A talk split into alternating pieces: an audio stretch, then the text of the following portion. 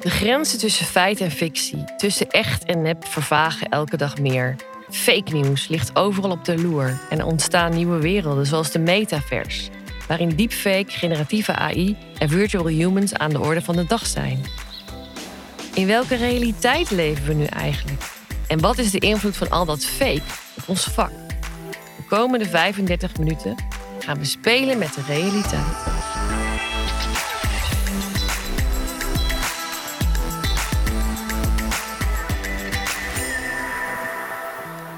Maarten en ik gaan daarom deze aflevering van Kompot in gesprek met Menno van Doorn, research director bij Society en auteur van Echt Nep.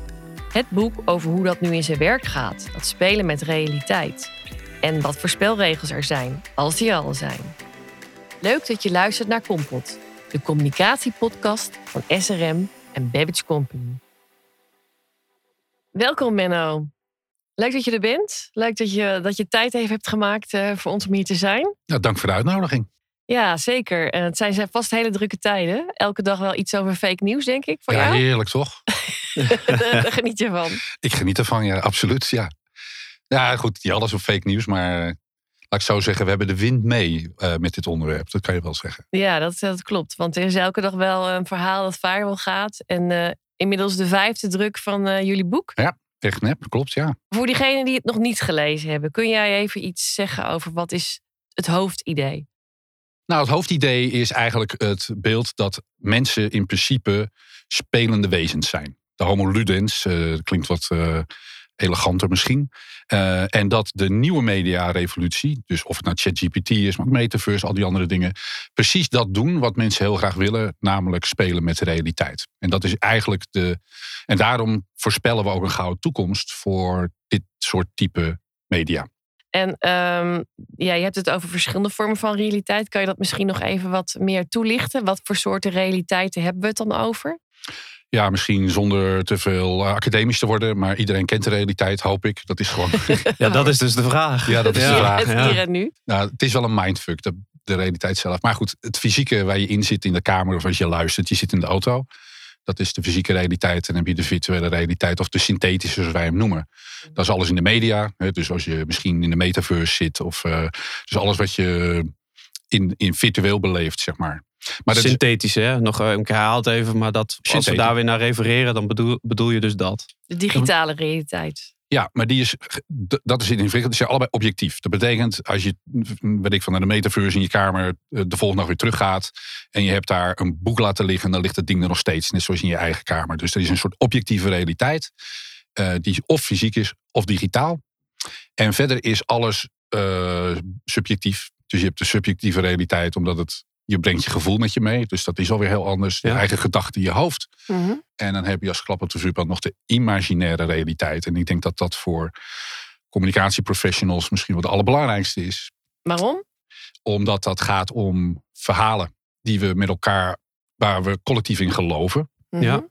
En dat kan van alles zijn, maar het kan geloven dat, we een, dat er een land bestaat en dat er een grens is. Maar ga maar eens kijken naar de grens. Nou, je ziet hem niet lopen, weet je wel. Dus het is een er afspraak. stond zo'n mooi steentje volgens mij. Ja, op sommige plekken, ja. Ja. Maar niet langs de hele... Nee. Maar dat is geen ook, rode eh, lijn. Dat weet ik wel. Dat mijn kinderen dat vroeger ook heel eh, naar vonden toen we voor het eerst de grens over gingen. Daar was geen rode lijn. Ja, je hoopt toch dat er. Snap je? Dus dat is een afspraak, net als wetten bijvoorbeeld. Dat is ook, eh, ja, we spreken met elkaar af dat het bestaat in ons collectieve bewustzijn. Ja. Maar dat is allemaal imaginair. Ja, Ja. dat is ook wat voor de luisteraars eh, nu misschien die ook de boeken van eh Yuval Harari hebben gelezen. Die refereert daar ook veel naar. Ja, hè? absoluut. absoluut. En die, die hamert ook op het belang dan daarvan voor storytelling. Dus er is niet een rangorde van welke realiteit is nou het belangrijkste. Maar als je het Yuval Harari vraagt, dan zal hij zeggen de imaginaire realiteit. Het collectieve verhaal waar we allemaal in geloven. Ja. En als communicatieprofessional kun je daarmee spelen met die verschillende realiteitsvormen en die mixen daarvan natuurlijk. Dus eh, Ja, absoluut. daar gaan we het natuurlijk ook over hebben. Ja, zeker. En ehm, als je daar dus echt naar kijkt, naar de communicatieprofessional, wat, wat zie je dan voor, voor hen? Eh, hoe kunnen ze daarmee spelen? Gebeurt het al veel? Of, ehm, Ja, in mijn ogen nooit genoeg. Laten we daar eens mee beginnen. Eh, dus ik weet niet eh, welke communicatieprofessional nu zit te luisteren nog niet heeft gespeeld met ofwel de metaverse of met eh, ChatGPT. Ik weet niet hoeveel dat er zijn. Of met Telly of met Midjourney, al die tools die er zijn. Ja, ik denk dat iedereen net bezig is uh, hè, om daar heel veel mee te doen. Maar aan de andere kant gebeuren er ook dagelijks dingen. Uh, neem even de foto's van Amnesty International die in het nieuws waren. Het onderscheid tussen echt en nep is nog wel lastig voor mensen, denk ik. Ja, die wordt steeds lastiger, omdat de kwaliteit van die beelden, geluiden, stemmen steeds realistischer worden. Dus dat, dat is, kijk, dat gaat heel snel. Dat was twee jaar geleden verderweg nog niet zo goed als nu. Nee, precies. Maar is dat misschien ook aan de andere kant dat de communicatieprofessional denkt, net zoals meerdere mensen, van joh, ja, ik zie ook wel de gevaren. Dus ik vind het ook spannend. Van, van ja, homo ludens, hè, de spelende mens. Maar met wat is het speelgoed waarmee ik speel? En wat zijn de gevaren daarvan? Dat is misschien ook wel reden waarom mensen er juist nu niet mee aan de slag gaan. Dat zou heel goed kunnen. Kijk, ik denk dat misschien het grootste gevaar als ik in de schoenen ga staan van een communicatieprofessional is niet wat ik ermee doe, maar wat anderen ermee doen. Ja. Dus uh, er zijn al geweldige voorbeelden. Dan zeggen jongeren gewoon, weet je, laten we eens twee merken met elkaar mixen. Weet je, Coca-Cola en uh, Volvo of zoiets. En dan komen ze met uh, beelden die heel realistisch zijn, wat, waar gewoon die merken elkaar een handshake geven. Maar die merken zelf zullen dat nooit bedenken. Misschien wil Coca-Cola helemaal niet geassocieerd worden met, Nee. met Volvo. Maar ja, dat gebeurt buiten je om. En, dat, Precies. en dat is misschien het gevaar wat ze vrezen als we moeten denken in welke gevaren eh, mensen zouden kunnen vrezen. En iets wat ik ook heel mooi vind in, jouw eh, in jouw boek en in jullie theorie is, is de kracht van storytelling. En dat is natuurlijk wel ook de kern van het communicatievak. Ehm, dus wat is nou eigenlijk die kracht binnen die, al die realiteiten van storytelling? Nou, de kracht is eigenlijk dat ehm, de mens niets anders is dan een storyteller. En dat informatie, welke informatie dan ook, als, altijd als een verhaal geconsumeerd wordt. Dus het is niet zozeer van, ja, natuurlijk van wat kan ik ermee doen, de storytelling. Maar het is eigenlijk de knop even omzetten en denken van, weet je, uh, hoe consumeren mensen nou mijn informatie als ik informatieleverancier ben als communicatieprofessional? Uh-huh. Ja, via een verhaal. Ja. En dan kijk je nu naar de media en dan zeg je, nou, dan ben je eigenlijk, ja, dan ben je eigenlijk een kind in de, hoe heet het, een, candy store. Mhm. Hè? Uh, van alle mogelijkheden die er nu zijn om storytelling te doen. Ja. Op veel meer andere manieren dan dat vroeger kon. Ja, eerst had je alleen maar eigen uh, websites, maar nu heb je eigen video's, eigen audio. Je kan, je kan alle soorten van tools gebruiken om je verhaal op een bepaalde manier te vertellen of over te dragen. Zeker. En er zijn platforms voor. Dus ook, en misschien, ja, misschien toch weer de angst. Ik weet niet of het de angst is, maar ik bedoel TikTok en andere sociale media die je kan gebruiken, die even je brein binnenkomen, waar, waar zo'n beetje eh, de halve wereld aan verslaafd is. Dat is natuurlijk een ongelooflijk makkelijke manier om een boodschap over te brengen. Ja. Ja. En daar zit ook weer het gevaar in van, is het waar of niet waar? Ja, absoluut. Ja, Ja. ja maar En dan is- zit misschien ook wel de vraag van, ja, wil ik op dat platform wat juist zoveel jongeren ook bindt en eh, daardoor uit de echte, re- ja, echte realiteit, de fysieke realiteit haalt? Ik kan me voorstellen dat dat ook afwegingen zijn. Nou, dat klopt. Het, het- ik moet opeens denken aan een verhaal way back. Hives, geloof ik dat het was. Over Mhm. sociale media. En we hadden toen een stuk over geschreven. Dat heel veel jongeren Albert Heijn eh, hun verhalen vertelden via dat platform. En dan deden ze hele leuke dingen. En dan gingen ze een competitie doen. Eh welke eh, Albert Heijn heeft meer muizen? En dan gingen ze foto's van muizen nemen. Weet je wel. Super. Ik vond dat hilarisch. Ja. Maar daar heeft Albert Heijn toen uiteindelijk wel een stokje voor gestoken. Die vond het toch niet zo'n goed idee. Maar ik vond het wel een populair genre. Ja, Nee, zo Ja. zie je dat het, eh, je gaat, het gaat aan de haal voordat je, voordat je het weet. Dat is aan de andere kant natuurlijk ook soms het probleem. Maar ja, voordat we op die eh, verdere verhalen ingaan, dan hebben we ook deze aflevering eh, weer een aantal stellingen bedacht om deze materie eh, te ontleden. En volgens mij sta je altijd trappelen, Altijd, Maarten, altijd. met de eerste Oh, ja. stelling. Nou, Nou, ik kan gewoon niet stilzitten hoor, maar ik trap wel altijd. Maar eh, ja, de eerste stelling voor jou, Menno. En dat is misschien, eh, nou ja, gaan we, ik ben heel benieuwd wat je daarop te zeggen hebt. Fake news bestaat niet. Ja, eh, ik denk dat we een hele mooie academische discussie kunnen hebben daarover. ja, maar gaan we niet doen. Gaan we niet doen. Nee. Het gaat helemaal terug naar wat is informatie en bestaat desinformatie wel. En dat soort dingen. En is het antwoord nee. En dan, nou ja, dan is eigenlijk ons academische praatje eh, klaar. Ja, Eh, dus ik ga me eigenlijk wel om, omdraaien dat fake news nu overduidelijk overal aanwezig is, maar er altijd geweest is. Dus Ja. ook, daar hebben we die sociale media helemaal niet voor nodig. Dat is altijd al zo geweest. Alleen het is nu een soort cultureel fenomeen eh, geworden. maar Omdat- is fake news nu eigenlijk wat we wel onder desinformatie vers- verstaan eigenlijk? Nou ja, het is de meest extreme vari- Kijk, wat, we, wat gewoon iedereen nu verstaat onder fake news, dat zijn alle complotverhalen eigenlijk. Eh, daar, laten we het dan even Ja. eh, stuk of plat slaan. Ehm, dus ik die- denk niet dat we moeten afwijken van die definitie. Om- We gaan het mensen niet ingewikkelder maken. Dan het is. we dat dan het is niet al ingewikkeld Nee, genoeg. Maar we gaan het Ja. wel hebben over de realiteitszin en de verschillende realiteiten, toch? Tuurlijk. Ja. Want ja, ik zal een raar voorbeeld geven. Dan schiet me niet. Ehm, er zijn mensen die heel veel onderzoek naar fake news hebben gedaan. En Hugo Mercier is er één van. En een van zijn stellingen is dat eh, mensen die in complottheorieën geloven, niet echt in de complottheorieën geloven. Om het maar even heel ingewikkeld te zeggen. Ja. En dat, ze ook gewoon, dat het ook gewoon slimme mensen zijn. Het zijn slimme mensen. Hij haalt als voorbeeld aan een van de bekendste complottheorieën, Pizzagate. Weet je, ergens in die kelder daar, in die pizzarestaurant. ja. Was geen kelder. was een kelder en er is één iemand. En dan zeggen ze, nou, dat is het grote gevaar. Want kijk maar, er is iemand met een geweer gegaan. En be- Ja. be- ja, dat is ook allemaal waar. Maar hij draait het om en zegt, waarom zijn niet duizenden mensen daar naartoe gegaan om die kinderen te bevrijden? Ja, ze ja. toch ergens niet geloven. Ja, waarschijnlijk. precies, ja. ja. Maf, hè? Ja. Maar het is toch interessant om het erover te hebben of ergens bij te horen dan? Of wat, waar zit het dat dan in? Absoluut. Eh, terug naar Harari weer. Mensen, wij zijn clanmensen. hè. We, we, we- we houden van kleinere groepen. We lopen achter mensen aan met het beste verhaal. En ja, way back, 10.000 jaren geleden was dat gewoon de standaard. En Ja. we zijn wat dat betreft nog niet veranderd. Maar ja, aan de andere kant, je ziet wel, bijvoorbeeld, jij zegt er was één iemand naar die kelder, maar we hebben natuurlijk ook bestorming van het kapitool gehad. Het waren Ja. er wel wat meer.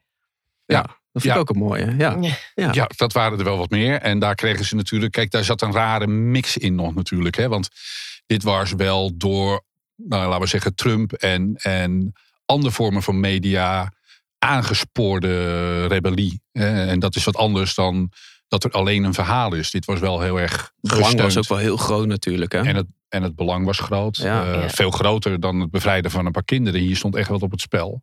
Namelijk het voorbestaan van, eh, van de VS. Voor sommige mensen dan. Ja, Hè? Precies. Ja. En van de democratie, hoe je dat dan en ook van de wil. democratie in een krankzinnig gepolariseerd land. ja, voor beide kanten super Ja, eh, dat- relevant Dat vind ik dus Ja. wel eh, ook duidelijk bij fake news. Het polariseert dus heel erg. Ja, het polariseert. Maar ik, moet, ik denk dat de politiek met name polariseert. Dus het is, er zijn mensen die belangen hebben daarbij. Hè, het zijn businessmodellen die erachter zitten. Bart Sibrel die leeft van het instand houden van het idee dat er nog nooit iemand op de maan is geweest. Ik noem maar wat. Ja, daar verdient hij een boterham mee. Weet je wel. Ja, Dat- dat is ongelooflijk. Ja, Ja. En eh, de platte aarde is er nog zo één. Er zijn gewoon mensen die hebben daar een businessmodel van gemaakt. En dat is dus toch heel erg aantrekkelijk voor mensen om in een iets, een, een verhaal te geloven wat een, een kop en een staart heeft voor hen. En niet meer eh, ja, realiteitszin met de fysieke realiteit. Ja, een van de mensen die we gesproken hebben, die, een antropoloog, Wouter van Beek, die zegt: ja, we, het gaat terug naar het, de, de, de hang naar mystiek. Dus de, die is verdwenen. De mystiek in de maatschappij is verdwenen. En dit is eigenlijk weer een nieuwe vorm daarvan. Eh, dus het gaat terug naar het geloven. Mensen willen gewoon in mystieke verhalen geloven. Dat zit gewoon inherent in, in, in de mens. Ja. Ik vind het een mooie brug naar stelling 2. Ja, zeker. Ja, want eh, de stelstelling 2 hebben we staan. Spelen met realiteit biedt meer bedreigingen dan kansen. Wie heeft die stelling bedacht? Ja, Ja, die hebben wij bedacht, denk ik. Ja. Want jij bent heel positief over eh, alles wat eh, AI en eh, deze tools ons bieden. Dus we dachten, we moeten ook de andere kant laten zien. toch weer terug naar kind in de snoepwinkel. eh, om die, eh, die tools te gebruiken. Er zijn hele andere manieren hoe je verhalen kan vertellen. Hè. Dus synthetisch. Je kan met chatbots gaan, gaan werken. Synthetische mensen. Dat doen wij bijvoorbeeld zelf. Je kan iets in de metaverse met augmented reality gaan doen. Dat zijn allemaal mogelijkheden die mensen vroeger niet hadden en nu wel.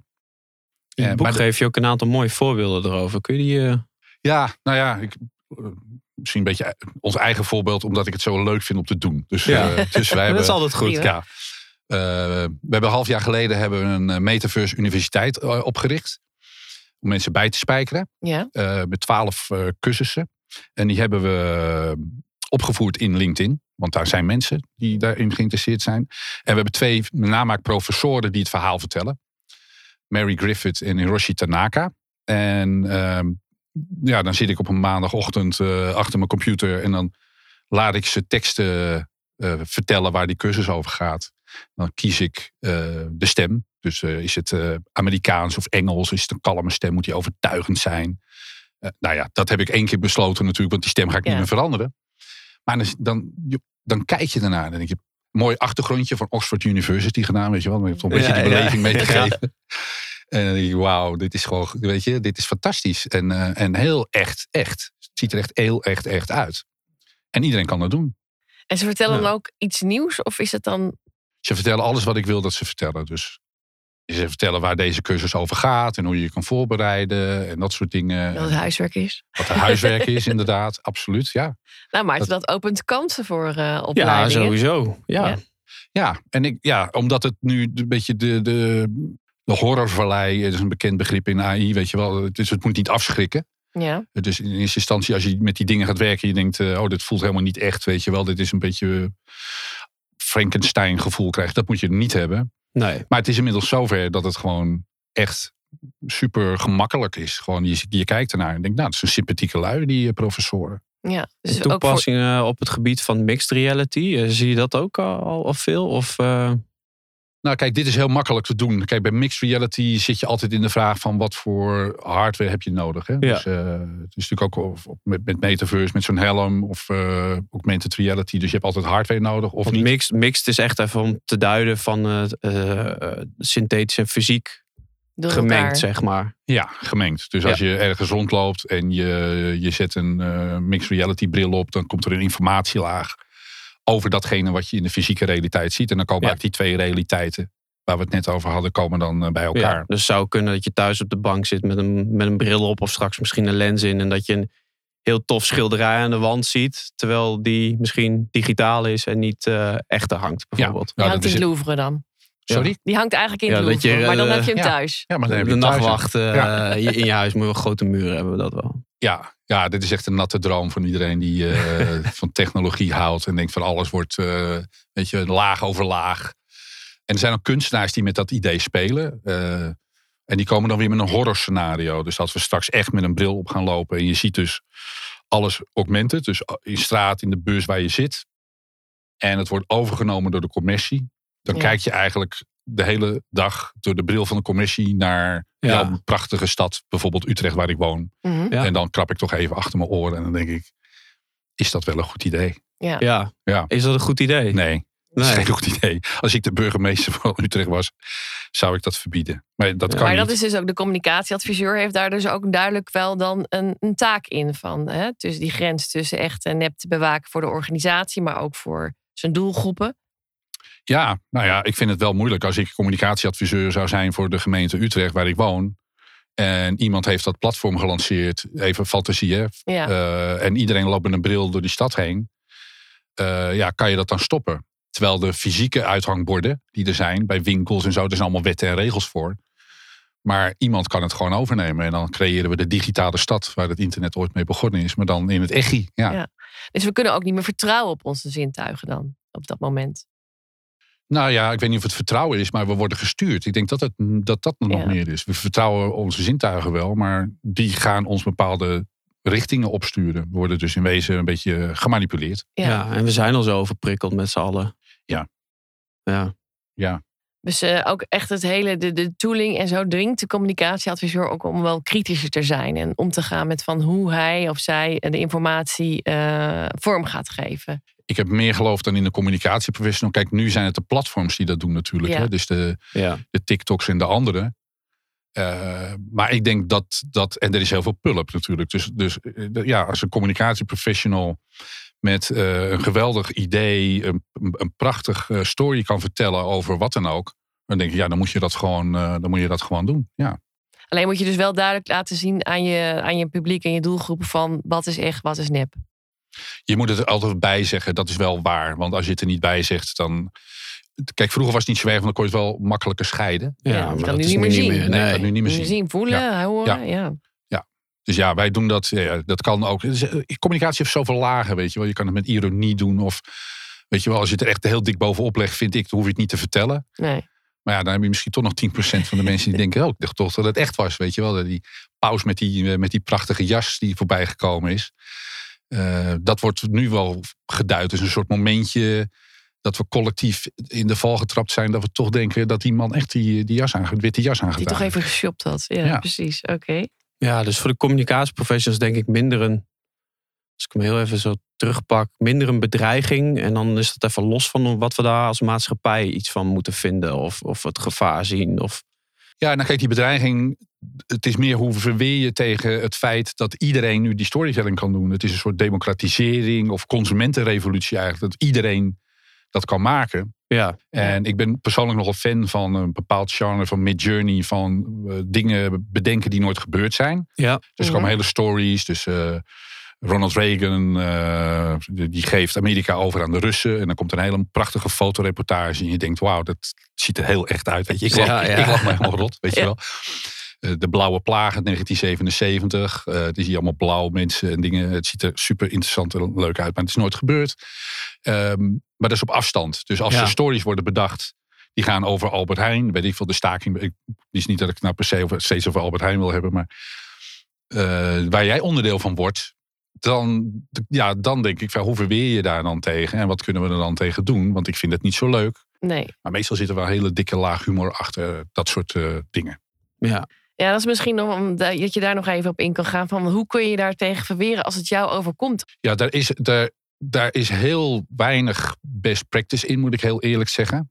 Uh, ik, uh, wat ik een heel interessant voorbeeld vind, maar dan ben je onderdeel van een cons de Denver International Airport. Uh, want dat, misschien weten de luisteraars dat niet, maar daar huist de kabaal, waar alle complottheorieën vandaan komen. En daar zitten hagedissen in de kelder. Oké. Okay. En toen gingen ze verbouwen. En toen heeft uh, iemand daar van communicatie bedacht om dat verhaal te gebruiken als uitleg naar het publiek wat ze aan het doen waren. Dus ze gingen ze billboards ophangen met hagedissenhoofden om uit te leggen dat ze de kelders aan het vergroten waren om die beesten wat meer ruimte te geven. En mensen die pakken aan te trekken op social media te laten zien. Ze zijn er gewoon mee aan de haal gegaan. Die zijn er mee ja. aan de haal gegaan. Ja. En ik, ik, ik denk toch dat dat misschien wel. Dus het omarmen van het verhaal, dat is een, misschien wel de doodsteek voor de echte complotdenkers. Ja. Uh, ik hou daarvan, laat ik het zo zeggen. Ik, ik, het zou wel eens een goed antwoord kunnen zijn. En Bart Chibrel, uh, de, de, toen de man over met, de, met de, hoe heet het, de complottheorie net over had, hè, van de maan, er is nooit iemand op de maan geweest. Ja. Uh, ja, die heeft het anders aangepakt en die heeft die, die complotdenker op zijn bek geslagen. Ja. Oh, ja. Weet je, ik vind het wel twee uitersten. Dus omarm Ja. het Of, of sla het bestrijd kapot, het. bestrijd het. ja. Uh, we Ik denk dat die laatste wel op iets meer weerstand uh, stuit. Het kan je ook niet met alles gezien. doen natuurlijk. En dat eerste, daar moet je gewoon inderdaad, dan denk ik ook terug aan wat je zegt over ermee spelen. Probeer er dan mee te spelen in je voordeel. Ja, uh, Als je dat kan. ja, ik zou mensen adviseren, als het gebeurt, kijk toch even, ga even naar internet en kijk hoe die lui in Denver dat gedaan hebben. En, Ja, zeker mooi. en nou ja, uh, dan heb je nog wel een beetje guts nodig om het echt te doen, denk ik. Maar ja, ik zou het mooi vinden als in Nederland ook zo'n voorbeeld zou komen. En dat brengt ons eigenlijk op de volgende stelling, denk ik, Maarten.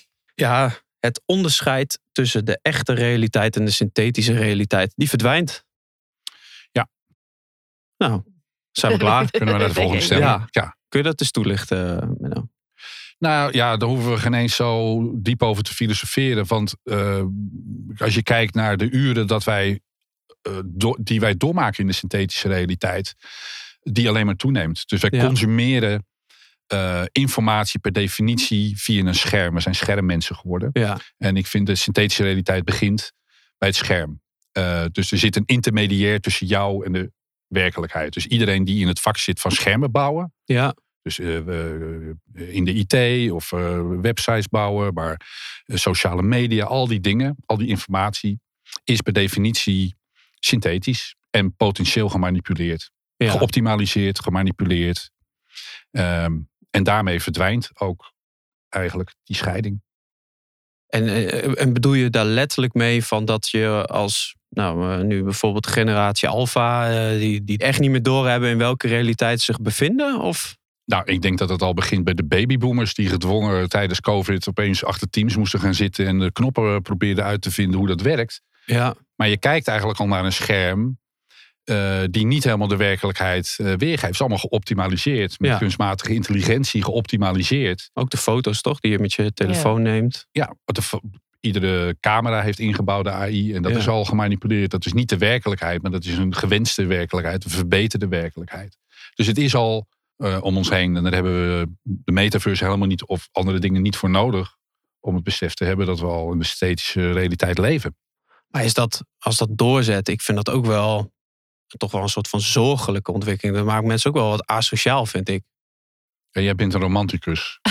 Nou ja, ik, zie, ik, zag, eh, ik zag van de week een filmpje van een aantal voetballers bijvoorbeeld. die uit de bus stappen van een voetbalwedstrijd. capuchon op, hoofdtelefoon op, kijken op hun Ja. telefoon. En die lopen langs een jongetje die, die, die, die staat te popelen om een handtekening. Ik denk van ja, dat vind ik, dat, dat vind ik echt een voorbeeld waarvan ik denk van ja, dat maakt ons asociaal. Ja, dit is, dit is wel asociaal. Ja, Ja, dat ben ik helemaal met je eens. Ja, dat, denk ik, ja dat, vind ik, dat vind ik echt een- keerzijde. En dat ik denk van ja, je ziet ook een tegenbeweging. Hè, dat mensen die zeggen van joh, die, de retreats overal zijn niet voor niks zo op. Eh, ja. ja. Ik, ik, hou, ik, ik geloof niet zo in een tegenbeweging. Eh, ik hoop dat die er komt of, eh, of er half is. Maar het is even een detox, weet je. Je doet eventjes dit en dan word je er gewoon weer ingezogen. Je Ja. kan ook niet meer zonder, dat is natuurlijk ook het feit. Je kan niet meer werken zonder je mobiel en je scherm, al die schermen. Nee, absoluut. En ik hou er dan voor, omdat ik onderzoek doe naar deze media, dat ik er verplicht aan mee moet doen. Dus dan, nou, dan heb ik een mooie excuus natuurlijk. excuus. ja. Eh, maar ik haal ook heel veel interessante informatie van TikTok. Dus het is, dus het is allemaal heel dubbel. Ja. Maar tegelijkertijd denk je, ja, dan heb ik weer 25 filmpjes zitten kijken van... eh, Ja, je wordt er zo Zielig, ingezogen. Ja. hè. Je, bent zo, eh, je begint met iets en je bent heel ergens anders iets. Ja, maar ik denk ook altijd van dat is. Mensen zeggen, zeggen oh, ik hoor het om mij heen ook wel eens. Ja, ik ben lekker ontspannen op social media, lekker door die feed aan het scrollen. En ik denk van ja, volgens mij ben je helemaal niet ontspannen, want je prikkelt je hersenen continu met veel meer informatie dan dat ze aankunnen. Dus ja, ja, ik ben misschien een romanticus, maar ik denk ja, ik vind die zintuigen die je Ja. hebt van het voelen en dat ik jou hoor ademhalen of even dat ik denk van oh ja, dat, dat, je hebt een bepaalde emotie of bij Monique en dat, dat mis ik in die digitale wereld heel erg. David Rose, dat is een, eh, een onderzoeker bij MIT, die heeft er laatst een prachtig boek eh, geschreven over het gebruik van augmented reality. Ja. En een van zijn, eh, ik was in gesprek met hem, toen had hij het over de mogelijkheid dat je straks brillen krijgt. Eh, die reclames weghalen. Dus dat je Aha. precies het tegenovergestelde, dus dat je meer rust hebt. Dus Ja. ook in een stad heb je al veel impulsen, en zeker in Amerika. Zeker, ja. Maar dat, je dat, dat hij dat helemaal gaat blurren. Dus eigenlijk dat je veel rustiger over de straat kan lopen. En dan zie je de bomen weer. Ja, En dus ja, bijvoorbeeld, ja. Ja, Ah, dat is dat ook vind ik wel wel mooi. mooi, Ja, ja. zeker. nou, ja. dat is dan misschien toch een tegenbeweging. ja dat Ja. zou tegenbeweging zijn. Ja. Ja. En aan de andere kant zie ik ook van mensen kunnen helemaal niet meer zonder die synthetische realiteit. Hè? Dus I stream, dus so I am. Dat, dat gevoel heb ik ook wel. Sommige mensen die lopen alleen maar zo rond met hun telefoon. En Concerten de hele tijd filmen. En dat ik denk van, ja. Ja. je krijgt er niks van mee. nee. Nee, maar ja, er zijn eh, geweldige. Soms in presentaties gebruik ik eh, Tiger Woods als voorbeeld. Voordat de media er waren. En dan zie je iedereen gewoon achter Tiger Woods aanlopen. Als die een balletje slaat. En iedereen kijkt naar Tiger Woods. Ja, En een paar jaar later zie je iedereen met zijn telefoon in de lucht hoog houden. om Tiger Woods via de telefoon waar te nemen. Weet je? En dan zie je gewoon duizend man staan. Die dus door de synthetische realiteit naar de realiteit aan het kijken zijn. Ja. ja maar dat is toch anders? Dat voel je toch minder? Ervaar Ja, maar je het, minder? het blijkbaar niet. Want het Blijkbaar is, niet, want mensen doen het. Ja, precies. Ja, nee, ik geloof daar niet in. Nou Nee. ja, misschien even. Nee, ik denk dat het echt meer zit in, in, in, waar, in, het, in het soort die, die netwerk of van die technische platformen waar we in zitten. Dat het daarin eh, dat het daardoor komt dan dat we dat. Ik weet, ik vraag me af of we als mensheid altijd wel weten wat goed voor onszelf is. Ik denk het niet. Nee. Nee. Nee, Oké, nou, daar dan ben ik het wel hebben over eens. Daar hebben we elkaar daar, daar in ieder geval gevonden. Ja. Eh, dat is even niet zo handig. Oh nee! Oh, dat had ik beter niet kunnen doen. Eh, sorry baas. Crisis! In communicatie.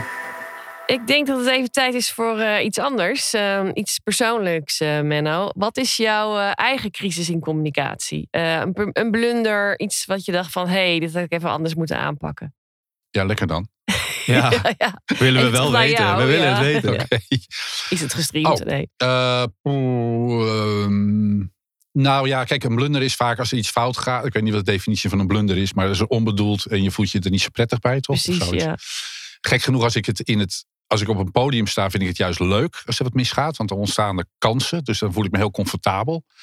Maar digitaal eh, ben ik vaker gestrest. Want dan zit je. En ik moet nu denk ik. Ik denk dat het een paar maanden geleden was. Was een, was een groep in India. En ik zou daar iets moeten vertellen. Volgens mij was het onderwerp storytelling. En toen had ik hmm gebruikt. Een eh, virtuele camera, MMH. Oh. Eh, voor alle mensen die nu luisteren, even googlen en zelf proberen. Het is een fantastische tool. En ik heb er geen belangen in of zo. Alleen ik kreeg hem even niet goed aan de praat. Aha, shit, en ja. weet je, dan zit je te. En, en bam. En zonder voor, ik, wie zijn die mensen allemaal precies? Er staat iemand voor me die zegt, Menno, werkt het wel? Nee, het werkt nog niet. Nou, je ziet, je kijkt daar in die zaal en iedereen wordt ongeduldig. En ik zit ondertussen eh, te klooien, eigenlijk. Dus dat was eigenlijk gewoon een, een, een, een ramp. En uh, ja, dat belangrijke les natuurlijk is altijd gewoon, als je met technologie werkt, gewoon helemaal op een top goed voorbereid. En niet accepteren test, dat test. je pad boemde. Ja, test, test, test. Ja. maar ik vind het eigenlijk verschrikkelijk om te gebruiken, moet ik eerlijk zeggen. En je zat dan ook alleen in je kamer. Ik zat alleen in mijn kamer. Ja, dat lijkt me ook verschrikkelijk. En die hele groep, dat, we- die waren lekker aan het bonden, weet je wel. Die kenden elkaar lekker en die zaten daar. En dan komt Van Doren voorbij met een... Nou jongens, hier komt hij over storytelling, weet je wel. Ja. Nou, Bleef stil. Ja. Ik Ja. heb ze afgelopen weekend ontmoet. Toen waren ze in Parijs live. En toen hebben we het er nog even over gehad. En eh, ja, toen ging het wel allemaal helemaal, helemaal super. Fijn. Ja, Ja. dus je vertrouwt op. Ja, je, moet vertrouwen op techniek, maar je wordt ook wel eens. Maar het dat, is al- is heel herkenbaar, het negatief voorbeeld van, van hm was niet mijn bedoeling. Want ik denk dat hm nog vele malen beter is dan slides uploaden en dat soort dingen. Dus we gaan het vooral proberen met een virtuele camera. Ja. En van tevoren even goed testen. En van tevoren testen. Ja. ja. En dan eh, komen we bij onze laatste stelling. Ehm, de communicatieadviseur van de toekomst is de synthetische verhalenverteller bij uitstek. Ja, zeker. Zeker. Ja. Maar waar blijft die menselijke maat dan? Dat is de menselijke maat, toch? Ja? Ja. Want als alles dan meer nep is, waar is die authentieke persoon dan? Ja, ik vind authentieke persoon, vind ik... eh, oh, pff, ik geloof niet zo in authentieke personen.